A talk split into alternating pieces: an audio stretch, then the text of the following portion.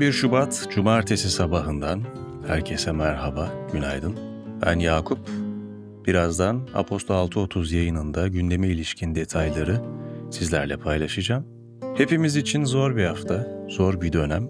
Bazı yaraları sarmamız zaman alacak. Bazen hatırlayacağız, tekrar çökeceğiz. Bazen hafızamıza kazınan onca şeyi unutmak isteyeceğiz. Unutmak pek mümkün değil tabii. Unutmamak hüznümüzü besleyecek belki ama öfkemizi de diri tutacak. Çünkü bu yıkımın sorumlularına da hesap soracağız. Hesap sormamız gerekecek. Bu konuda biraz inatçı da olmak gerekiyor sanırım. Bunun umudumuzu da besleyecek şey olduğunu düşünüyorum kendimce. Hepimize tekrar sabır ve başsağlığı diliyorum. Bugünün bülteni Kadın Emeğini Değerlendirme Vakfı ile birlikte ulaşıyor uluslararası ağlarını deprem bölgesine yönelik kaynakların geliştirilmesi için harekete geçiren Kadın Emeğini Değerlendirme Vakfı ve üyesi olduğu Uluslararası Oxfam Konfederasyonu, afet bölgesinde en acil ihtiyaçların hızlı bir şekilde tespit edilmesi ve karşılanması için Afet Platformu işbirliğiyle çalışmalara başladı. Detaylar bültende. Son durum Kahramanmaraş'ta meydana gelen depremlere ilişkin Sağlık Bakanı Fahrettin Koca'nın saat 21.15 sıralarında yaptığı açıklamaya göre 20.213 kişi hayatını kaybetti, 80.052 kişi yaralandı. AFAD, depremin ardından saat 21.17 itibarıyla toplam 1666 artçı sarsıntı meydana geldiğini bildirdi. Bakan Koca, bölgede 77 Sahra Hastanesi olduğunu duyurdu. Kahramanmaraş'ta meydana gelen depremde yıkılan Hatay Antakya'daki 250 daireli Rönesans Rezidans isimli yapıyı inşa eden şirketin ortağı Mimar Mehmet Yaşar Coşkun, İstanbul Havalimanı'nda yurt dışına çıkarken yakalanarak gözaltına alındı. Hatay'ın Antakya ilçesi İnönü Bulvarı'nda 2013 yılında tamamlanan ve 250 dairesi olan 12 katlı Rönesans Rezidans depremde yıkıldı. Binayı inşa eden şirket olan Antis Yapı, projeyi cennetten bir bahçe olarak tanıtmıştı. Sahadan izlenimler.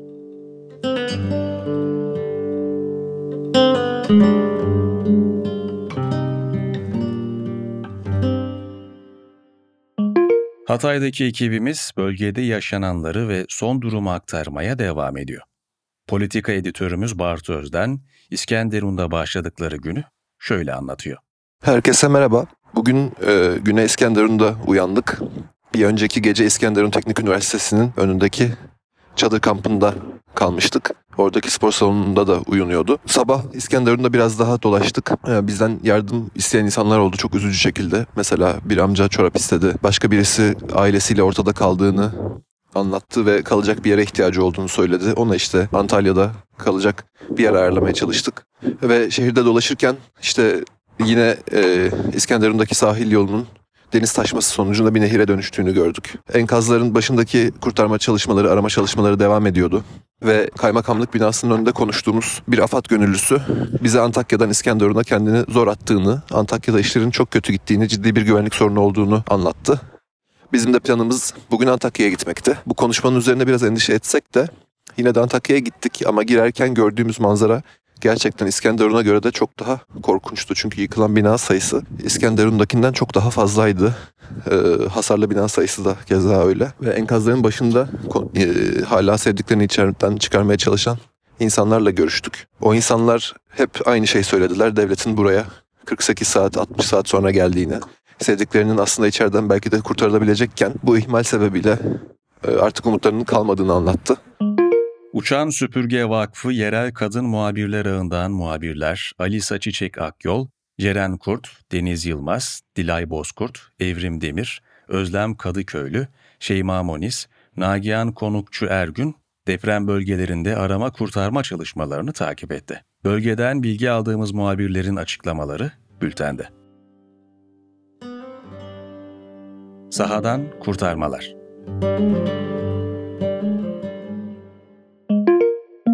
Kahramanmaraş'ta meydana gelen depremin üzerinden 100 saatten fazla zaman geçti.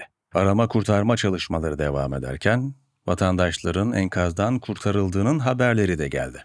Hatay'ın İskenderun ilçesinde depremden 102 saat sonra 5 katlı bir apartmanın enkazından 6 kişilik bir aile sağ olarak çıkarıldı. Hatay'da Odabaşı mahallesinde depremden 90 saat sonra Tolga Doğan ve 5 yaşındaki kızı sağ çıkarıldı. Yine Hatay'da termal kamera ve ses dinleme cihazları kullanan ekipler depremin 101. saatinde inşaat mühendisi 30 yaşındaki Hikmet Yiğitbaş'a ulaştı. Kahramanmaraş'ta enkaz altındaki 6 yaşındaki çocuk 88 saat sonra kurtarıldı. Adıyaman'da yürütülen arama kurtarma çalışmalarında ise yine 88 saat sonra 14 ile 7 yaşındaki iki kardeşe sağ olarak ulaşıldı. Hatay'da 6 katlı apartmanın enkazından ekiplerin sesine tepki veren Venüs isimli bir köpekle yanındaki sahibi de 105. saatte kurtarıldı. Venüs'ün sesimi duyan var mı çağrısını havladığı ve ekiplerin Venüs'ün sesiyle harekete geçtiği aktarıldı. Açıklamalar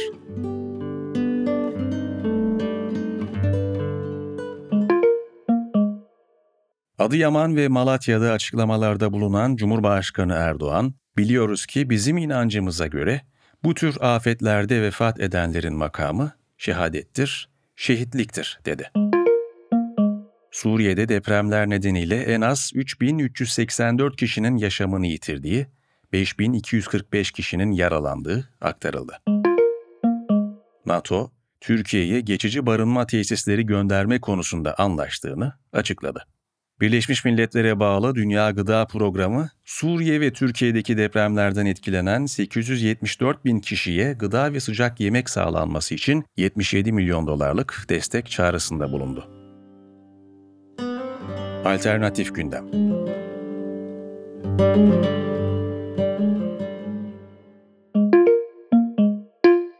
TÜİK, geçtiğimiz yılın Aralık ayında işsizlik oranının 0,1 puan artışla %10,3 seviyesine yükseldiğini açıkladı.